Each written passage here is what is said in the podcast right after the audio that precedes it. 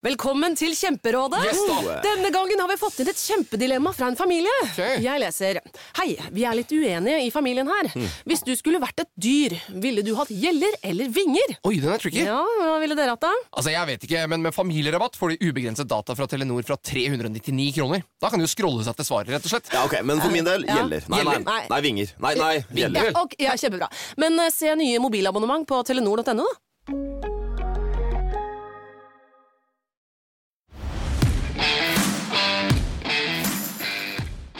Ja, da er vi ferdig med årets eh, juleshow, og tradisjonen tro så tok vi opp dette her, og det er det du hører på nå. Hvert øyeblikk så skal du få lov å høre juleshowet i lydformat. Men det er klart at eh, når man skal ta noe visuelt eh, over på lyd, så er det noe som forsvinner. Lars, hvordan har du løst det? Som i fjor så lagde vi også i år en åpningsfilm til showet som var med på å sette stemningen i salen, og den kan du, lytter, gå inn på vår Facebook-side, Batong Media, og, og se der. Og kanskje du skal gå inn dit først nå? før Ja, du var det jeg skulle si! Jeg foreslår for å få den juleshow-feelingen, så begynner du med filmen som ligger på Facebook-sidene våre, og så går du rett over til podkasten, eller hva tenker du, Helge? Ja, så de skal altså nå sette pause på den podkasten, og så gå på Facebook-sida. Og så kan vi Ikke glem å gå tilbake til podkasten etterpå. eh, Da må jeg ønske vi- velkommen tilbake, og håper dere likte den filmen som dere nettopp har sett på Facebook-sida. Nå setter vi over til rockefiller.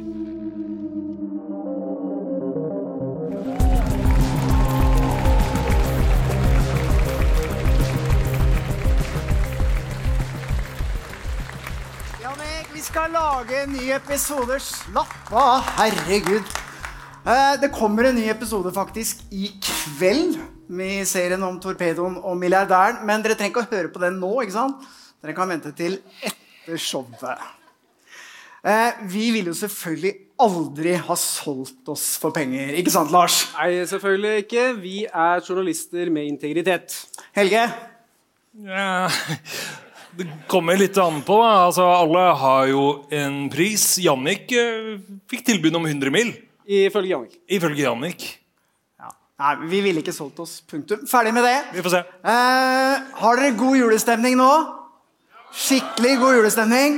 Fordi det er jo ingenting som skaper Altså Når man ser en god, varm, rørende, hjertevarm julefilm, så får man, blir man jo fylt av julestemning, ikke sant? Og hvis den julestemninga ikke har kommet enda, så kan vi nesten garantere at den vil komme i kveld. For vi har et eh, tett program. Hva har vi egentlig, Lars? Vi har jo bl.a. Simon Heggstrøm, som er politimann i Sverige, som jobber med det mørke temaet menneskehandel. Eh, Jonny Brenna og Kjell Alrik Schumann møtes igjen eh, nærmere 20 år eh, etter Brenna pågrep Schumann. I tillegg så får vi besøk av eh, Sara Høydahl fra podkasten Forsvinningsfredag. Og jeg har hørt at hun faktisk er litt fan av Jannik. Hun er fan av Jannik. Har ikke møtt den, altså. Eh, Vi får det i kveld, da. Eh, Jannik eh, skal visstnok være her. Ja. Vi har en del overraskelser. Eh, litt av hvert. ja, jeg tenker at eh, dere som sitter på første rad her, kanskje ikke helt eh, trygt. Det går sikkert fint. Sikkert fint. Ja, det, det, det voksne folk som har betalt penger for å komme hit, de tar ansvar. Vi, vi fint. Lars, skal vi dra i gang? Det skal vi. Ja. Det ryktes at podkasten har nådd ut i verden og fått internasjonal suksess. I de dataene som vi har tilgang til, så kan vi se at det bl.a. er to lyttere i Namibia og én i Nord-Korea. Men Kim? vi veit at vi i hvert fall eh, nå i høst har fått én fast lytter i Sveits.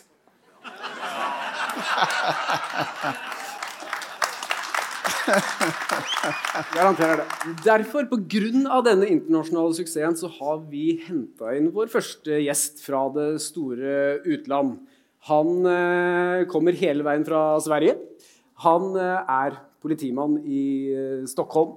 Og han kjemper for eh, de svakeste i eh, samfunnet. I tillegg så er han forfatter og er aktuell med boka 'Jentene som sprang'. Skal vi gi en varm og hjertelig juleapplaus til eh, Simon Heggstrøm? Tjenare Simon, nu kör vi! Äh? Nu är det dags. Vel, velkommen til Norge. Jeg tror vi dropper den der Skavlan-greia. Han forstår hva dere sier. Du förstår gott vad vi säger. Ja, jag försöker. Jo då. Ja, ja. Min norska, är- det går. Hjärtligt välkommen till oss. Tack snälla. Eh, Du eh, jobbar alltså med menneskehandel. Og for mange år siden så skrev jeg en eh, bok som hadde en del elementer av det. og Da hadde jeg gjort litt research, og så var det en politimann som sa til meg at eh, de som bedriver den formen for kriminalitet, de, de er liksom det verste av det verste. Fordi at de har liksom null empati, og de selger mennesker. Liksom. Det er liksom mye verre enn narkotika og, og annen kriminalitet. Da. Hva tenker du om det? Det, det stämmer till stor del. Eh, Det är klart att det finns olika grader i helvetet så att säga. Men, men det här är ju människor som, som har som jobb att, att när de vaknar på morgonen så går de och köper och säljer unga kvinnor, unga tjejer. Och, och, och vi märker ju bland grovt kriminella som vi möter som inte, jobbar, som inte ägnar sig åt människohandel så kan vi vara ganska omtyckta.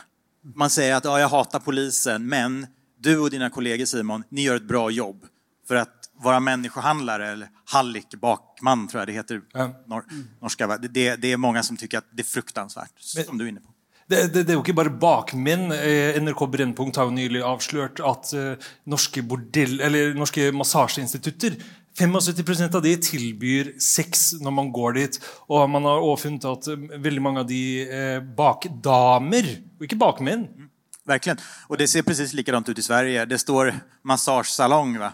och så är det oftast en thailändsk flagga men i själva verket är det en förtäckt bordell. Och eh, det är viktigt när det gäller just eh, människohandlare att det behöver inte vara män utan det kan också vara kvinnor som ägnar sig åt den här fruktansvärda brottsligheten. Vi brukar kalla dem för madammer. Eh, när det gäller nigerianska människohandel exempelvis då är det alltid en madam som står högst upp i toppen och tjänar de riktigt stora pengarna. Ok. Men eh, du har jobbet med dette i mange år nå. Ja, jag har jobbat med det här sen... Jag blev klar polis 2007 och började jobba med människohandel 2008. Men har det preget deg på noe vis? Mister du litt sånn troa på menneskeheten? Flera gånger i veckan. Ja, i uka. Så det, Ja. jag, trodde, alltså jag är inte samma människa idag som jag var när jag liksom lämnade Polishögskolan. Det, det här brottsområdet är... Man, man, jag brukar säga det att vi, jag och mina kollegor, vi får se... Med, vi får vara med om så mycket tragik som en så att säga, vanlig människa får vara med om under en hel livstid. Va? Alltså det, det är en fruktansvärd verklighet där ute och tyvärr så har det ju gått åt fel håll också. Eh, I Sverige så det är så tydligt att vi har fått ett råare samhälle. Va? Eh, kärlekslösare samhälle. Jag menar, normaltillståndet i Sverige idag är ju att vi har ju liksom unga män som skjuter ihjäl varandra varje vecka. Så hela samhällsklimatet har ju blivit mycket, mycket hårdare. Det, det, det, det är tufft att vara polis där ute. Det är inte lätt. Man st- ställs inför fruktansvärda situationer ibland. Men når du ja, hvor grusomt det her er, hvor- hvorfor valgte du akkurat den eh, grenen innen politiet? Ja, så här var det.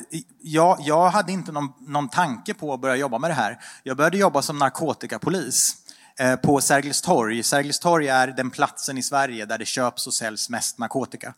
Eh, mark eller torg? Ja, ja, ja precis. Kan man, mange ja. møtes på dagtid, Exakt. på kveldstid så skjer det andre ting. Ja, ja, Ja. precis. Och eh, eh, då fanns det en, en, en polisgrupp där som, som bara hade till uppgift att, att gripa de som sålde narkotika.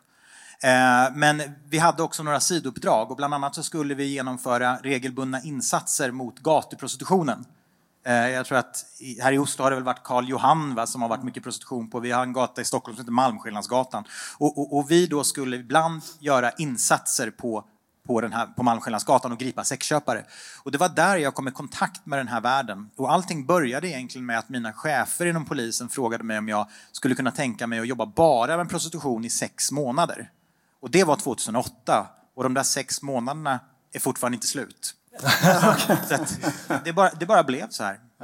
Faktiskt. Men du sa i stad at det var blitt så ille i Sverige. Altså Unge blir skutt drept eh, nesten hver uke. Svenske tilstander. Det er jo nesten sånn skrekkscenario. Da er det virkelig blitt så ille i Sverige som eh, man skal ha det til? Ja, jag vill påstå det. Eh, Jag menar, vi hade till och med en polis som, som sköts till döds här. Um, sett, sett för, förra sommaren, tror jag det var. Eh, sett helt plötsligt när vi är ute och jobbar så får vi ju tänka ett steg längre hela tiden. Är den här bilen vi stoppar nu, finns det vapen i bilen? Är personen beväpnad? Jag menar när jag var färdig, ny polis, eh, 2007, ja då tänkte vi att ja, men om, om det vill sig riktigt illa så har personen en kniv på sig. Jag menar, idag utgår vi från att personen faktiskt kan vara be- beväpnad med en pistol eller en handgranat eller vad man nu kan tänka sig. Så ja, det har, det har blivit riktigt illa. Det är min uppfattning. Men eh, har du själv upplevt att, att bli utsatt för eh, vapen? Ja, jag har, jag har ju varit med om ett antal händelser som, som verkligen har, har gjort att jag, ibland att jag har funderat på att sluta eh, som polis.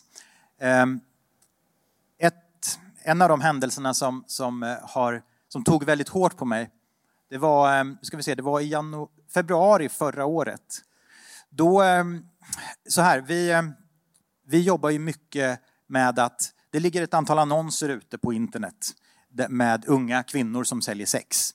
Ett av våra huvudsakliga uppdrag är att försöka hitta minderåriga, alltså barn, flickor och pojkar under 18 år, tillsammans med socialtjänsten och försöka se till så att de får hjälp eh, ut ur detta. Så att varje dag vi kommer till jobbet så tittar vi på vilka annonser ligger ute nu. Och så hittar vi kanske en annons, som vi gjorde i det här fallet, med en tjej som såg väldigt ung ut. Jag skulle säga så här, den här tjejen är bara 15-16 år gammal. Va? Så att då bestämmer vi oss för att göra en kontroll och kontrollera vem är det som ligger bakom den här annonsen. Och då jobbar vi på det sättet att vi utger oss för att vara en man som vill köpa sex. Okej? Okay? För det är enda sättet för oss att kunna identifiera den här personen. Så att jag skriver till den här tjejen och säger att jag är intresserad av att träffa henne och vi, vi kommer överens om att vi ska eh, träffas på ett hotell och hon ska få 3000 kronor för, för vanligt sex. Eh, vi bestämmer tid och plats och dag. Och eh, den här eh, aktuella kvällen då så jobbar jag med två kollegor som heter Sanna och Madeleine. Och ehm, vi ska då möta upp den här unga tjejen. Men det som händer några timmar innan är att hon skriver till mig och frågar kan du hämta mig? Jag har lite svårt att ta mig in till stan, kan du hämta mig? Så visst säger jag, så vi tar vår polisbil och vi är alltid civilklädda och sådär, vi har aldrig uniform på oss. Så vi åker ut till det här vanligt medelklass radhusområde. Ehm, och där är det meningen då att vi ska möta upp den här tjejen. Så hon tror att det ska komma en sexköpare som har 3000 kronor på fickan. Mm. Så jag säger till mina kollegor sådär att vi, vi, åkte, vi körde faktiskt en buss, en polis, civil polisbuss. Så jag sa till mina kollegor, ni får gömma er i baksätet. Och så när den här flickan kommer och sätter sig i bilen, då visar jag min polislegitimation. Och säger att hej, vi kommer från polisen, vi är väldigt oroliga för dig, vi vill prata med dig. Ja, så vi åker in i det här området. Ehm, jag kör fram bussen och skriver till den här flickan att nu är jag här. Du kan komma. Jag sitter i en svart buss. Så jag sitter och väntar på förarplats med, med, med bilen igång. Och sen går allting väldigt, väldigt fort. Ehm, jag ser i sidospegeln på bilen hur, hur bakifrån så kommer det två stycken killar. De är båda maskerade så här, helt svarta, jag ser bara ögonen. Ehm, de går fram och jag ser hur killen som går längst fram stoppar in handen i sin byxlinningen och drar upp en stor svart pistol. Och helt plötsligt så slits dörren upp. Och det enda jag hinner tänka är att jag måste fly. Okay? Jag har inte en chans här. Jag måste fly och sen omgruppera och, och liksom gripa dem. Det var inte något ställe att fly för du satt ju i en buss. Exakt. Jag trycker ner gaspedalen. Ja. Men problemet är att jag står i parkeringsläge. Ja. Så att bilen bara varvar. Va? Och, och, den sekunden som jag hade på mig att fly, så då hinner de fram och sliter upp dörren och helt plötsligt så har jag en pistol rakt i bröstet. Jag sitter så här. Okej, okay. vad jag inte visste då var ju att de här två killarna hade lagt ut den här annonsen. Och planen var att de skulle råna sexköpare. Ja, det fanns aldrig någon jente. Nej. Nej. det är en väldigt tacksam grupp att råna. Va? För de här männen går ju inte till en polisstation och säger att jag skulle köpa sex igår. Eh, jag skulle vilja anmäla det. Utan anmälningsbenägenheten är ju noll. Va? Så jag sitter där med en pistol i bröstet. Och eh, det här borde jag inte berätta, men den här kvällen så hade jag alltså inte skyddsväst på mig. Okej, vi har ju alltid skyddsväst på oss som, på något sätt, men om någon anledning så hade jag inte satt på mig den. Så att jag inser, trycker han av, då dör jag. Ja, du rakk å tenke det, at jeg har Ja, på, ja. så ok. Vi, man, vi brukar säga det i Sverige att, att när man har liksom, dödsångest så passerar livet revy. Gjorde det? Ja, det gjorde det verkligen. Jag, så- jag var så många tankar som han komma på de få sekunderna. Jag kommer aldrig få träffa min mamma och pappa igen. Jag fick aldrig möjlighet att säga hej då. Det var jättemycket saker. Men jag, jag, jag, jag hinner ändå tänka så pass mycket att jag kommer inte att ge mig utan fight. Okej? Så p- jag bestämmer mig för att jag ska åtminstone försöka. Så jag drar min pistol och så skriker jag polis, polis, polis. Och helt plötsligt så hamnar vi i ett mexican standoff. Alltså pistol mot pistol. Och redan när jag drar vapnet, då, då alla de här timmarna man har stått på skjutbanan och skjutit, skjutit, skjutit och man har övat det här som nödvärnsdrag. Va? Alltså när man hamnar i ett läge där man möts av dödligt våld, då skjuter vi för att döda. Så jag hade bestämt mig när jag drar vapnet att jag ska tömma hela magasinet i bröstet på den här killen. För att det är han eller jag. Så jag kommer upp med mitt vapen, jag har fingret på avtryckaren och då får jag ögonkontakt med honom. Och helt plötsligt så ser jag en helt annan människa. Alltså det, och det här låter ju väldigt känslosamt, men det som, när han kom fram, då, då var det hat. Jag kunde se hat i hans ögon. Att han, liksom, han var störst, bäst och vackrast. Nu så ser jag bara rädsla. Och på en millisekund så väljer jag att sätta första skottet bredvid honom. Och gå emot allting som jag har lärt mig. Alla skjutinstruktörer jag har pratat med efteråt har sagt att Simon, du avvek från protokollet, du gjorde fel. Ja, du skulle skutt han. Jag skulle ha skjutit, jag skulle ha skjutit ihjäl en 17-årig pojke. Det var det jag var lärd att göra. Nu gjorde jag inte det. Jag satte första skottet vid sidan om och det räddade hans liv. Och jag är ganska säker på att om jag hade skjutit ihjäl honom så hade jag inte suttit här idag. För de poliser som jag har pratat med som har skjutit och dödat en annan människa, även om det har varit befogat, även om det har varit rätt att göra det, de har inte kommit tillbaka i yttre tjänst igen. Nej, Man blir påverkad för livet. stor belastning. Ja. Jättestor belastning. Så att, eh, jag mötte ju den här killen i rättegången igen. Det blev ju en rättegång då, för, eh, rånförsök. Eh, de var 17-18 år gamla de här killarna. Och han satt och grät. Han satt och grät hela rättegången. Han kom fram flera gånger och bad om förlåtelse. Och jag sa det. Någon där uppe gav dig en andra chans. Du skulle inte ha levt idag. Nej. Så att jag hoppas att det har gått bra för honom. Men eh, det var, eh, den händelsen har påverkat mig väldigt mycket. Faktiskt. Alltså, det är något som du tänker ofta på där kanske? Det gör jag. Och, det som var väldigt märkligt var ju då att mina chefer sa till mig, jag blev ju tagen ur tjänst ett antal arbetspass eh, och fick gå till psykolog och bearbeta det man hänt och ut på skjutbanan igen. De sa Simon, det är viktigt att du inte blir borta för länge utan kom ut och börja jobba igen. Och, och, och gör, fortsätt göra sådana här kontroller så att du inte blir rädd. Och då tänkte jag så här, ja men okej, jag, jag, jag gör några nya kontroller, jag tänker det här, det här händer en gång per tio år. Första kontrollen som jag gör igen efter det här utanför ett hotell, då kommer det fram fem stycken ungdomar som ska, som ska råna mig. och de, är så här 14-15 år gamla.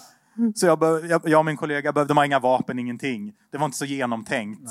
Vi bara skrek på dem, sätt er i soffan där.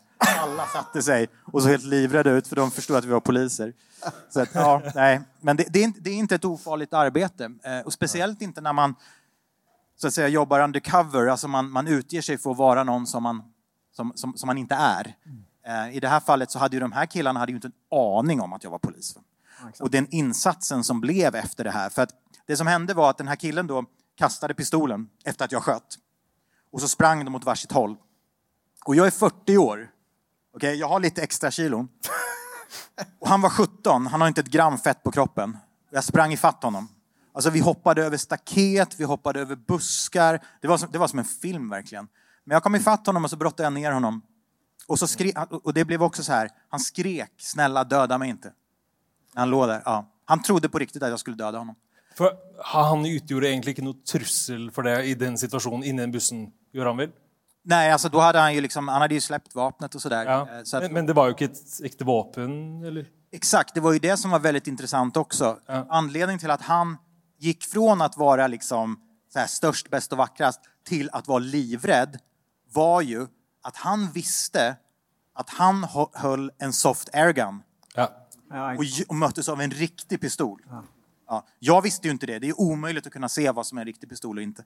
Så att, ehm, men sen det blev ju en sån oerhörd polisinsats alltså. Det kom... Äh, jag har pratat med kollegor, de sa varenda ledig polisbil i hela Stockholm åkte på det här. När man hörde att det var en polis som, som eh, blev rånad. Det var, det var ju helikopter, det var hundförare. Den andra killen var det faktiskt eh, hundarna som, eh, som tog. Han hade gömt sig i skogen. Så att det var en hundförare som spårade upp honom. Mm. Okay du, du nevnte jo på et eller annet tidspunkt til meg at eh, Og jeg har lest også, for så vidt, at eh, det har blitt liksom problemer med å rekruttere politi i Sverige. Er ingen som vil jobbe som det lenger. Stemmer det? Ja, det stämmer faktiskt till viss del. Vi, idag så har vi ju svårt att fylla utbildningsplatserna. Ehm, trots att vi har den här serien Tunna blå linjen som alla svenskar älskar att kolla på ehm, så eh, fyller vi inte eh, utbildningsplatserna. Så jag tror att många drar sig. Man, man tycker inte att det är värt risken. Eh, för att det är så mycket våld och så mycket skjutvapen i omlopp. Ehm, så att det, det är en jättestor utmaning för oss. Och man har till och med man har sänkt gränserna eh, för att kunna komma in på polisutbildningen. Vilket jag tycker är, det är inte bra alls. Men, men man är så desperat att få in fler poliser. Ja, Er, det det som er, er det det som er den store utfordringen når man jobber som politi innen det feltet du jobber med nå? At det liksom bare har blitt råere? Ja, alltså min uppfattning är att det har blivit mycket råare och det ser vi ju inte. Alltså, vi är ju ändå poliser, vi har utrustning, vi har pistol, pepparspray, batong. Jag, jag kan ju bara jämföra med de kvinnor som vi möter i den här världen. Alltså bara de senaste månaderna, vi har suttit ner med kvinnor som har blivit utsatta för fruktansvärda brott. Eh, alltså halvt ihjälslagna, knivhuggna, våldtagna, eh, grovt misshandlade. Och även, även kvinnorna vi möter säger exakt samma sak. Vad är det som har hänt i Sverige? Sexköparna nu för tiden är så fruktansvärt våldsamma. Va? Så att, eh, det, är inte bara vi inom polisen som upplever det här utan, även de kvinnorna som vi möter, som säljer sex. Du sier at du er bevæpnet. I Norge så har du ja, Bortsett fra at det er litt sånn generell midlertidig bevæpning fra tid til annen, så er jo politi ubevæpnet i Norge. Hva tenker du om det? Er det veldig fremmed for deg? Politi ikke har våpen? Alltså, mina chefer skulle bli... Va, jag skulle inte få åka ut och jobba utan vapen. Alltså, vi måste ha vapen på oss när vi jobbar. Och, och jag, skulle, jag skulle vägra sätta mig i en polisbil och åka ut och arbeta om jag inte var beväpnad. Ehm, nu är det ju på den nivån att alla vi poliser utbildas ju i alltså automatvapen nu för tiden. Okej. Alltså MP5-utbildning. För att vi, MP5 det er jo et, et slags maskingevær. Ja, ja precis. Ja, precis. okej. Alltså alla poliser i yttre tjänst ska ha möjlighet. Och det har ju också att göra med att vi har haft två terrorbrott i Stockholm ehm, under ett antal år här. Va? Och, vi har haft två ministermord i modern tid. Så, så, så eh, alltså, det kan gå så fort. Eh, och då, våra pistoler som vi Sig Sauer, alltså, det, det är inte tillräckligt. Polisen måste vara... Sen har vi ju specialenheter, vi har piketen och nationella insatsstyrkan. Men, men de har ju en framkörningstid. Va? Alltså det tar ju tid innan de kommer. Det är ju vi poliser som jobbar ute på gatan. Det är oftast vi som får ta första smällen när det väl händer någonting. Men hvor mye trening har dere egentlig? Fordi det er veldig bra å utstyre politiet med våpen, men du, det krever veldig mye trening å liksom holde hodet kaldt. eh, og gjøre de riktige tingene i en veldig stresset situasjon. Da. Så hvor mye trener dere egentlig på, på det? Alldeles för lite. Ok. Ja, verkligen. Alltså om du tillhör en specialenhet, alltså piketen eller insatsstyrkan och sådär, de, de tränar ju nästan hela tiden. Det är deras jobb. Men vi som jobbar ute, ja vi har ju så här, det som kallas för kompetensprov. Man måste skjuta upp en gång om året för att få behålla sitt vapen. Så man, man skjuter ju när man får tillfälle, men man tränar ju alldeles för lite. Eh, så är det. Verkligen. Alltså det är så mycket annat. Så många ärenden, så många utredningar man håller på med och så tänker man skjutbanan, ja, men jag, tar, jag tar det nästa vecka eller nästa månad. Och sen så hamnar man i den där skarpa situationen när, när alla de där timmarna på skjutbanan liksom sammanfattas på en millisekund. Du har jo møtt eh, veldig mange damer og, og unge jenter som har fått livene sine ødelagt. Eh, hvordan går det innpå? da? Hvordan påvirker det? Ja, alltså jag har gått, jag har gått i terapi nu till samma psykolog faktiskt i 12 år för att orka med det här. Ibland känner jag bara att jag vill kasta in handduken och sluta och göra något, säga upp mig som polis. Jag har de dagarna, absolut. Men det finns också ljuspunkter. Jag kan berätta, jag fick ett eh, DM på Instagram för ett par veckor sedan. En ung, ung tjej som skrev eh, till mig och hon ville, hon, ville att jag skulle, hon ville tacka mig och mina kollegor. För vi hade hittat henne ute på stan. Hon trodde att hon skulle sälja sex till en man på ett hotell. Men i själva verket var det vi som kom fram och mötte henne. Och hon sa det att min plan var att efter att jag hade träffat den här sexköparen, som var ni, så skulle jag gå och ta mitt liv. Oi, ok. Och det som hände var att hon blev placerad på ett behandlingshem och hon skrev idag så är jag, jag går i terapi, jag, är, jag har slutat att ta droger, eh, jag har behandlat min PTSD och idag går jag i skolan, tack för att ni räddade mitt liv. Det, alltså, att, få den, att ha ett jobb där man kan få den typen av feedback, det, det, är, det går inte att mäta i pengar. Du kan ge mig en månadslön på 100 000, det, det spelar ingen roll. Och få vara med, få vara med och vara, göra en skillnad för en ung människa på det sättet. Det gör att man går till jobbet ändå. Och sen har man sina kollegor. Alltså det är en fantastisk sammanhållning. Och I ärlighetens namn så vi får ju vara med om, om, om saker som, som så att säga, människor tittar på filmer. Alltså, så, det, det får vi, den vä- världen får vi leva i på något sätt. Så att det är fantastiskt. Men frågan är också hur, mycket, hur länge man orkar. Jag är 40 nu. Ehm, Jag jobbar med ett gäng 25-åringar. Det är jag som är gamla gubben helt plötsligt. Det si. Ja, nej men, eller hur? Eh, men men eh, så, så, länge, så länge man, eh, man inte, så länge man jag fortfarande klarar att springa i fatt busarna när de springer och sådär, håller min Men form. Det er det jeg sier til dem to også. Så lenge jeg er sterkere og løper fortere, så klapper. Han er, faktisk, han er den som er i best form. Ja, ja, men så är det. Åldern är bara en siffra. Men det er denne tematikken, dette med menneskehandel, og eh, man sier jo at det er ikke mulig å vinne krigen mot narkotika. Gjelder det for menneskehandel? Er det mulig å vinne denne krigen? Nej, jag skulle vilja påstå att det är det inte. Ehm, Alltså så länge klasskillnaderna är så enorma eh, med, med liksom fattiga länder och rika länder och så länge, och faktiskt det viktigaste av allt, så länge vi har flera tusen eh, män som varje år väljer att köpa sex och i, på det sättet investerar sina pengar rakt in i organiserad brottslighet. Vi har ungefär i Sverige, ungefär 10 procent av män i Sverige kommer någon gång under sin livstid att köpa sex i Sverige eller utomlands. Det är alltså tusentals män. Och, och, och grovt kriminella kommer att tjäna enormt mycket pengar så länge män i Sverige kom, kommer att betala för sex. Va? Och det, det måste vi få bukt med. Eh, det är därför sexköpslagen är jätteviktig för oss. Eh, för hade vi inte haft den så hade, vi, så hade det sett ut som det gör nere i Tyskland eller Nederländerna eller Schweiz, Österrike. Eh, det är ett jätteproblem idag att att, att, att män väljer att utnyttja de här kvinnornas utsatthet. Jag menar, vi, har, vi träffar jättemycket kvinnor från Ukraina just nu. Ukraina har ju verkligen skjutit upp i höjden. Och, och från att vi inte träffade dem alls för några år sedan så är varje, varje arbetspass mer eller mindre träffar vi nya ukrainska kvinnor. Ja, ikke sant? Jeg skulle akkurat spørre om det, fordi at eh, med denne krigen og alle disse som er på flukt osv., så, videre, så merker jo også dere at mange av disse kvinnene Ja, ja. også blir utnyttet? da, eller? Och det, det är så fruktansvärda historier. De visar fotografier på, på liksom sina hem som inte finns kvar. Det är sönderbombat. Vi träffade en kvinna, hon berättade att hälften av hennes vänner lever inte längre. De är döda. Ehm, och, och, och det är sån oerhört trauma för dem för att dels så ska de förhålla sig till prostitutionens verklighet. Det vill säga det står ett tiotal okända män varje dag och knackar på dörren och som vill ha sex med dem. Och sen på nätterna så går, bomblarmen går på deras telefoner. De vaknar med ångest och undrar, lever deras familjer? Alltså det, det går inte att föreställa sig. Det är ett sånt oerhört mörker de befinner sig i. Du har, du har jo jobba med det her i veldig mange år, og eh, du, har, du er ikke bare politimann, du er òg forfatter. Du har skrevet en god del bøker om det temaet her. Ja, precis. Och de första två, det här är första delen, ja. Den andra delen har också kommit på norska här nu. Ja. Jeg, legger merke til at som forfatter så, så skriver du om eh, det du lever. Altså, du skriver jo om menneskehandel, prostitusjon og, og det å liksom, jobbe opp mot disse miljøene. Hadde det ikke vært eh, god terapi å kanskje skrive noe lystere når du først gjøre noe annet enn det, enn å grave seg ned i, videre ned i det der? Jo, alltså man- lever ju i den här världen hela tiden med tanke på att man skriver. Men faktiskt så är det nästan lite tvärtom. Att genom att skriva, skrivandet blir en terapi i sig. Eh, Man får möjlighet att ge utlopp för liksom alla sina tankar och funderingar.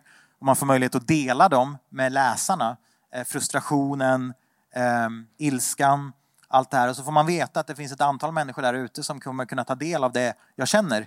Eh, Och, och det är på något sätt en, en terapi i sig faktiskt. Jag, jag mår bra av att skriva faktiskt. Mange bøker har du skrevet nå? Ja, alltså, jag, totalt har jag skrivit fem stycken, varav två då eh, har kommit ut på norska och den tredje är på väg, kommer till våren här. Du, Simon, takk for at du eh, tok turen helt til Oslo Tusen tack för att du fick Stockholm. Mm, Ja. Tack snälla. Bra. Ja, takk skal du ha.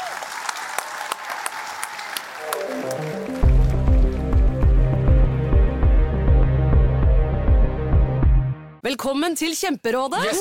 Denne gangen har vi fått inn et kjempedilemma fra en familie. Ok. Jeg leser Hei, vi er litt uenige i familien her. Mm. Hvis du skulle vært et dyr, ville du hatt gjeller eller vinger? Oi, den er tricky. Ja, Hva ville dere hatt, da? Altså, jeg vet ikke, men Med familierabatt får du ubegrenset data fra Telenor fra 399 kroner. Da kan du scrolle seg til svaret, rett og slett. Ja, ok, Men for min del Ja. gjeller. Nei, nei. Nei. nei, vinger. Nei, nei, gjeller. Ja, ok, ja, Kjempebra. Men eh, se nye mobilabonnement på telenor.no, da.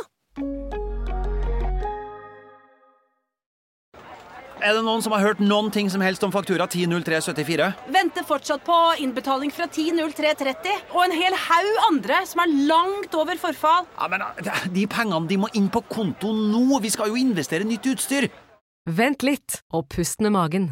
Med Amili, en ny helhetlig løsning fra Visma, får du alt du trenger for raskere betaling og rom for å gjøre de investeringene som trengs. Og det beste av alt, du kan bruke tiden mer verdifullt. Se hvordan på amili.no.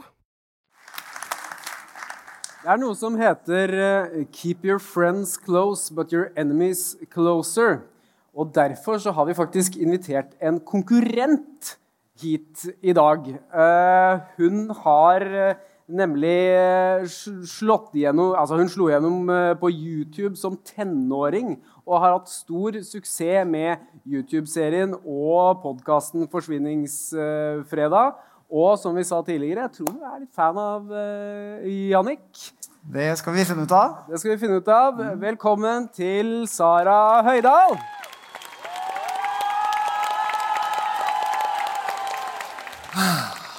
Hei. Hei. Velkommen. Koselig at du kunne komme. Bare sånn, eh, Er du fan av Jannik, eller? Ja, veldig. Du er det? Altså, jeg syns det er eh, dødsfett eh, å se, eller høre, da, i podkasten deres om, eh, om eh, hele hans historie. At han mener at han er uskyldig, og alt det rundt. Det er skikkelig, skikkelig spennende å høre på. Han mener det selv. Hva mener du? Ut fra det du har hørt. Den ble vanskelig, altså. Eh, jeg tenker det får være opp til eh, Til retten. alle andre enn meg å bestemme. Men nå har du jo faktisk eh, Nei, vi kan ikke avsløre det. Nei, vi glemmer det. Vi tar det etterpå. Jeg vet ikke hva du skal si. Du, du har jo din egen podkast 'Forsvinningsfredag'. Hvor du tar opp ulike krim... Du er egentlig en konkurrent. Driver litt med det samme som oss. Så absolutt. Forskjellen er at du har holdt på siden du var 13 år gammel. Ja, eller jeg har i hvert fall hatt en interesse for det så lenge. Eh, kanskje egentlig litt lenger enn det også. Jeg kommer jo fra en familie med mye mye Det er kanskje feil å si kriminal... Eh, Kriminelle. det er mye interesse for det, da. Jeg har besteforeldre som har lest masse krim, og jeg har jo vært interessert i det hele livet selv. Og så har jeg blitt introdusert for Criminal Minds da, som åtteåring eller noe sånt. Nå. Ok. Så eh, da har det på en måte begynt tidlig. Så fra du var 13 år, så har du altså jobbet med å fordype deg i kriminalsaker og i true crime. Mm. Hvilken så- sak er det du har vært mest fascinert av? Du vet hva du skal si nå, ikke sant? Torpedo nummer én. Nei, jeg husker, jeg har et veldig sånn tydelig minne fra jeg og mamma var i butikken. Matbutikken bare. Og så ser jeg et magasin eh, Se og Hør, hvor det er om Madeleine McCann-saken. Ja. Og det var jo altså, Da var jeg veldig liten selv, men jeg husker at eh, det var det veldig unike bildet av denne unge jenta som var veldig fascinerende. Og jeg tror det er fra da nesten at jeg tenkte oi, det der var spennende. Hvordan er det du jobber da med dine saker når du skal lage en podkast? Eh, Jeg forholder meg egentlig til alt som er offentlig eh, av informasjon som er der ute. Selvfølgelig også med kildekritikk, for det er veldig viktig. Eh, prøver å finne for- og motargumenter for alt mulig rart. Og eh, ja, ser på alt med et kritisk øye, rett og slett. Men, men gjør du den jobben selv, eller har du hjelp? Jeg gjør alt selv. Du gjør alt selv? Ja. Mm, Det er som hos oss, Lars. Du gjør alt. Hva skjer alt hos oss? Det er ikke Men, men det, er jo, det er jo litt av en jobb når du skal researche alt dette. Du skal skrive manus, du skal som du sier, finne de ulike vinklingene og ikke minst eh, være kri- kildekritisk. Da. Det tar mye tid, da. Ja, absolutt. Eh, Jeg har drevet lenge med YouTube. Og det er jo mye visuelt som skal på plass, og alt sammen. Og da redigerte jeg også videoene selv. Ehm, ikke at jeg har slutta med det, eller noe sånt, men, eh, men eh, ja, det var i hvert fall en greie da. Og i podkast så er det jo nesten enda mer jobb, for der må jo enda flere detaljer på plass. Eh, det skal være mer spennende å høre på. Lyddesign, alle disse tingene her. Så har jeg vært heldig og fått på en produsent på podkasten min. Eh, så det er veldig spennende. Og, men veldig mye jobb. Men det går fint, for jeg liker det. Du sier eh, YouTube, Internett. det, vi har jo fått med oss at du er veldig god på sosiale medier. blant annet på Instagram, hvor du har 51 000 følgere. Og det er jo Ikke så gærent, det. Kjempebra. Det er bra. Vi har òg Instagram-konto.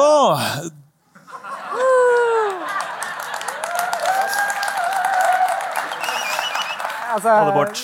Halvparten av de sitter her i dag. Hva, hva, ok, Sara, hva skal vi gjøre? Hva er trikset? Jeg syns dere gjør en god jobb, jeg. Men hvorfor har vi, ingen, hvorfor har vi så få følgere? Det er halvparten av de som sitter i salen. Ja, men det syns jeg dere skal være veldig fornøyde med, faktisk. Jeg hadde ikke fått til det. 800 og Vi går videre. vi går videre. Det, du, det er ikke bare på Instagram du er god. Du kommer òg på TV. Vi har nylig sett eh, et innslag hvor du er med på God morgen Norge, hvor du prater om podkast, om hvilke podkaster du vil anbefale. Vi kan ta en kikk. Det skal handle om podkast. Vi vet jo at det finnes noe for enhver i podkastverden. Men true crime, altså krim fra virkeligheten, det er en av de mest populære sjangerne. I fire år så har youtuber Sara Høydahl dypdykket i spennende saker i serien sin Forsvinningsfredag. Men i dag så er hun her for å anbefale også andre podkaster da, med true crime som tema. God morgen og velkommen tilbake, Sara. Jo, tusen hjertelig. En av Norges største true crime-podkaster. Den heter Avhørt. Yes. Hva er spesielt med den? Åh, det er så mye som er spesielt med den. Det er en av mine definitive favoritter. Eh, fordi det her er gravende journalistikk, Mm. og det finnes ikke mer interessant, spør du meg. Så det, man må bare høre.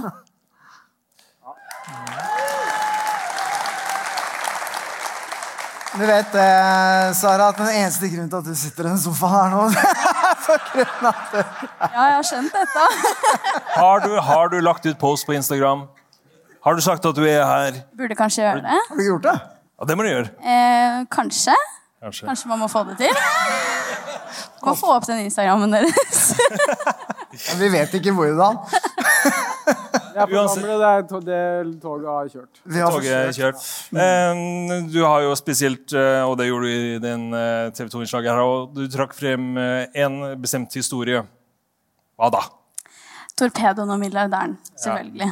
Det Ja, noen som klapper for den? Men er du, eh, er du klar for å møte Jannik? Jeg tror ingen er så klar som meg, det Ok. Ja, vi ba mer han eller annet sted. Jannik, er du der? Så, se der, ja. Selvfølgelig. Alltid klar. Alltid klar.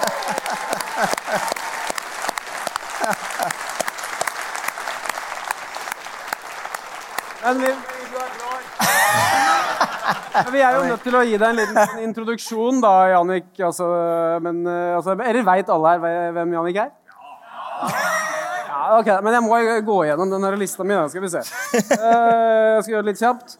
Denne mannen her ble dømt til 20 måneder i fengsel for å ha pressa Kjell Inge Røkke for flere millioner kroner. Og de to siste åra så har han fortalt oss eh, sin versjon av hva han eh, mener skjedde i serien Torpedoen og milliardæren. Velkommen til oss, Jan Erik Jannik Iversen. Jannik, eh, du har jo eh, nyheter til oss, men vi skal ikke komme til det helt ennå. Aller først så syns jeg vi skal slippe til eh, her. Jeg er sikker på at hun har mange spørsmål til deg, så vær så god. Tusen hjertelig takk. Nå ble jeg ordentlig glad. Ja, jeg har veldig mange spørsmål, så nå er det bare å stålsette seg. Ja, eh, først og fremst så lurer jeg jo på Kan starte litt rolig, da. Eh, hvem Jeg er der, ja. Eh, det første jeg lurer på, er på en måte eh, Hvordan anser du deg selv som person? Hvis du skulle beskrevet deg selv med tre ord, hva ville det vært? Real, ærlig, rettferdig. Jannik, Jannik, ta med tyggisen. Hæ? Ta tygg, tyggisen. Altså, hele tida, mann. Det Midt på scenen her. Lov av tenna mine, eller? Rart det er krig i verden. Fint, fint. Ok, Sara, vær så god, Ja, fortsett. tusen takk. Mm. Nå er det oss. Eh, du har jo også sittet inne da i 20 måneder. Da lurer jeg Et år. Ja. Og da lurer jeg på eh, hvordan var oppholdet ditt, og hvordan var det å sitte inne for noe du selv mener at du ikke har gjort? Det er sånn at Når du først skal inn der, så må du ta det som det er. Det, I den bransjen jeg jobber, så er det noe som heter risiko. Og Noen ganger vinner du, noen ganger taper du. Og mot Røkke så tapte jeg nå denne gangen. Men jeg vet at det er ikke sannheten. Så det er at du må bare legge tanker og hat på utsida. Så må du gå inn og så må du ta den soninga som en mann. Og være hyggelig, høflig og hyggelig mot de innsatte og de ansatte. Så får du en ålreit hverdag. Føler du at du er en endra person etter å ha sittet inne? Jeg har lært mye. Det må jeg si. Ja. Hva er din største lærdom? Å se hvor uh, tøft de ansatte og de innsatte har inn i fengsler. Mm. Det er en skam. Ja. Eh, og mitt eh, kanskje siste spørsmål Jeg tror det er noen Siste? som klør i fingrene. Jeg tror du heller får invitere. Jannik til din egen podkast, men vi Ja, skriver jeg ned tips. det. Hva er din største lærdom? Har vi fått noen som gjør jobben vår for oss? her? Ja, det var veldig deilig. Deilig. Bare hyggelig. Bare over hele showet. Du skal få stille et siste spørsmål. Ja, jeg lurer på eh, hvordan har tiden etter eh, oppholdet vært? Det er, bare, det er litt todelt. For at uh, du har en familie du må ta vare på. Og du skal jobbe for å få sannheten. Og jeg har jo brukt nå halvannet år for å komme dit jeg er i dag. Og det er klart det koster krefter. Men jeg har lært meg én ting. Den fucking mann som kødder med min familie, må ta konsekvenser av hva de får.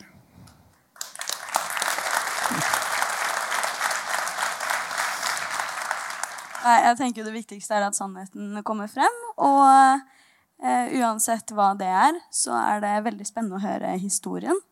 Og eh, alle aspektene av det. Jannik, du har jo eh, kommet til oss i kveld fordi eh, du har jo noe nytt å fortelle. Det har jo nå gått som du sier, mange år, og du har jo eh, kjempet en kamp. Du har jo vært eh, mye hos oss. Vi har laget mange episoder om denne saken. Men nå har det endelig skjedd noe. Kan du fortelle? Ja, det er klart at når jeg gikk ut av fengselet, så visste jeg at sannheten var der ute. Det er bare å finne den personen som er villig til å fortelle sannheten. Og det er klart, det er, det er ikke lett når du ser de narsissistene og psykopatene jeg holder på med. Men eh, jeg veit at jeg gir meg ikke. Jeg er en pitbull. Og den som skal ha takka for at vi er der vi er i dag, det er advokat Ari Holden. Han har snudd. Ja, det er en veldig klapp. Det... Eh, han har snudd, som dere vet. Han har vært hos dere. Vi har hatt mange gode samtaler. Han har slitt veldig med sykdommen sin, som han sier. Men han har, sier veldig en ting på en fin måte. Han skammer seg ikke over sykdommen. Han skammer over seg hva han har gjort mellom sykdommen. Og når du da er så redelig og modig som det han har bevist overfor meg nå på halvannet år vi har hatt kontakt, så må jeg bare si takk, Arild. For hva er det egentlig som har skjedd? Vi har nå sendt gjennom mine advokater Benedicte Vibe og Kaja de Vibe. Alt ligger inne til gjenopptakelse.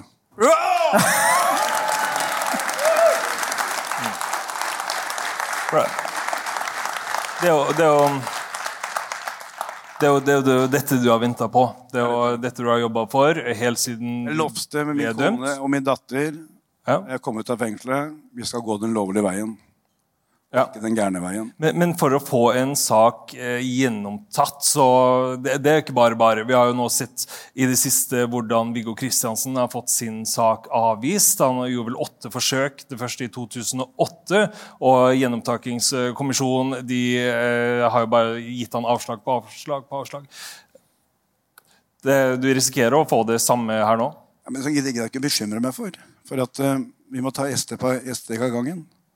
Så hvis du, tar, hvis du spør meg fra skala 1 til 10, hvor jeg ligger og jeg tror på at vi får den opp, så er det 9. Ja, ja det er høyt. Ja. Og det er at hele korrupten, hele polititoppene, hele systemet, alle etater som Kjell Inge Røkke og Øyvind Eriksen har kontroll over, det er korrupte herfra til helvete. Ja. Øyvind Eriksen er adden dir. Ja, Øyvind Eriksen er, er, er høyrehånda. Hei, Øyvind. Hei. Der oppe, du. Så, men eh, det jeg vet 100 at vi har en riksadvokat som er rein og god. Så jeg forventer at han tar tak i den saken min over jul og får den opp på sitt bord. Og Har han noen spørsmål, så kan han bare ta kontakt med mine advokater, Benedicte Vibe og Kaja de Vibe. Ferdig snakka. Men Kan du si noe om eh, på hvilket grunnlag da, du søker uh, gjenopptakelse? Eh, Det vil jeg ikke gjøre. For at de kreftene vi jobber sammen med, så vil jeg ikke gi dem noe gratis nå. Så det holder vi oss eh, inne med, med gjennom det som Benedikt og Kaja har sendt inn. Så det blir der det er. Ok, Så det du sier er at du har lyst til å avsløre hvilke nye bevis og så videre du har, for du er redd for at, uh, at de skal sabotere det på et eller annet vis? Vi kommer å få greie på det i en eller form. Men nå er det jo sånn at nå er det jo Ari Holden som skal inn der og, og, og legge sin troverdighet hva som har skjedd. Mm. Og det er viktig. Nå har det jo vært sånn at eh, Gjenopptakelseskommisjonen har jo fått mye kritikk i det siste. Eh, Det viser seg jo at de har jo avvist eh, mesteparten av det som har kommet inn. Og det var jo til og med et par politikere som var ute og sa at eh, man kanskje skulle se på den institusjonen på nytt. da. Tror du at det at de nå har fått et så veldig kri- kritisk syn på seg, gjør at de kanskje eh, ikke avviser ting så enkelt? da? Har du tenkt gjennom det? Ja, det håper jeg jo. Men så har jo Røkke rømt landet òg, da.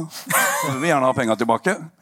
Ikke sant? Det er jo sånn enkelt at alle gangstere, som det er mer enn to mann, så blir det eh, Økokrim, det blir hele mafiaparagrafen og sånt noe.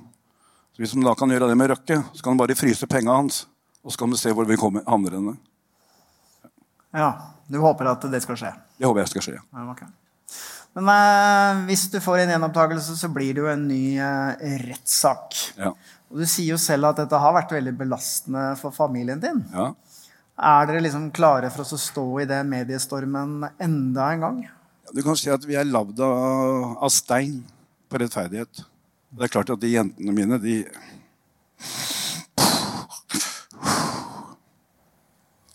De har blitt utsatt. Men eh, jeg har sagt denne saken her skal jeg dø for. I don't fucking care.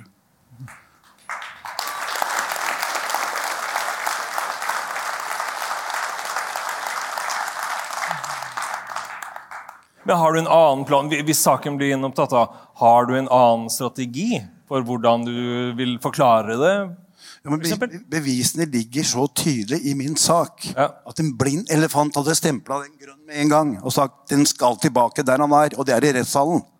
Ja. Ferdig snakka. Ja. Alt annet er uinteressant. Ja. Nå snakker vi! Alle dager i uka. Ja, Sara, når du hører dette her, da du, Hva tenker du? Tror du eh, Hva tenker du liksom om Jannik som Han kunne jo ha sona straffen sin, lagt det bak seg, liksom glemt det, ferdig med det. Sant? Men hva tenker du liksom om det engasjementet hans og at han nekter å gi seg? Jeg tenker jo at vi har sett det i flere saker tidligere, eh, hvor man har et sånt engasjement for det eh, for å vise sin uskyld. Eh, og jeg syns det er veldig spennende å se. Eh, og jeg håper jo at saken blir gjenopptatt for din skyld. Takk. Eh, så det blir spennende å se når, eh, når det eventuelt skjer. Ja. Og én ting til, mine damer og herrer. Dere så jeg kunne bruke bazooka. Men da, da tenker jeg at det er på tide å la folk få strekke litt grann på beina. Kjøpe seg et par øl i baren. T-skjorter der borte. Jeg tenker at vi tar en liten pause. 15 minutter. Hva sier du til det? Vi gjør det. Vi er tilbake om 15 minutter. Det var litt gøy å se Jannik i sofaen sammen med Sara der. Det er jo 40 år som Ja. skiller de to. Han ble en litt sånn annen type enn det vi er vant til å se han. Kanskje det hadde noe med dette kvinnelige aspektet å gjøre. Kan godt være. Hun øh, solte seg, han solte seg vel litt i glansen, kanskje, fra at en ung jente var så fascinert av hans historie. Og kanskje han var litt preget av det. Hun fikk ikke. sole seg litt, hun òg. Hørte at det var det du var på vei til å si. Hun fikk absolutt øh, sole seg i glansen av vårt juleshow. Nei da, det var veldig hyggelig. Det var en fin samtale. Det var interessant igjen å få høre fra Simon Heggstrøm, som eh, har eh, opplevd veldig mye eh, mørke ting i sin politikarriere. Ja, han er jo en fantastisk historieforteller og kjempeflink, så det var, det var veldig fascinerende. Men showet er ikke over. Det er et del to.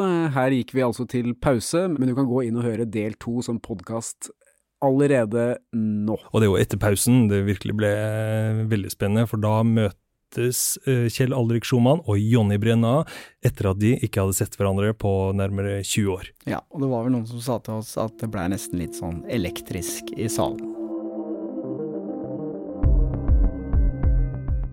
Avhørt er produsert av Batong Media. Redaksjonen vår består av Stein Morten Lier, Helge Molvær og Lars Christian Nygårdstrand. Temamusikken vår er laget av Altered States, og hvis du vil høre eksklusive episoder av Avhørt, gå inn på podmy.no eller last ned Podmy-appen. Du finner oss på Facebook som Batong Media, eller på Instagram som Avhørt podkast.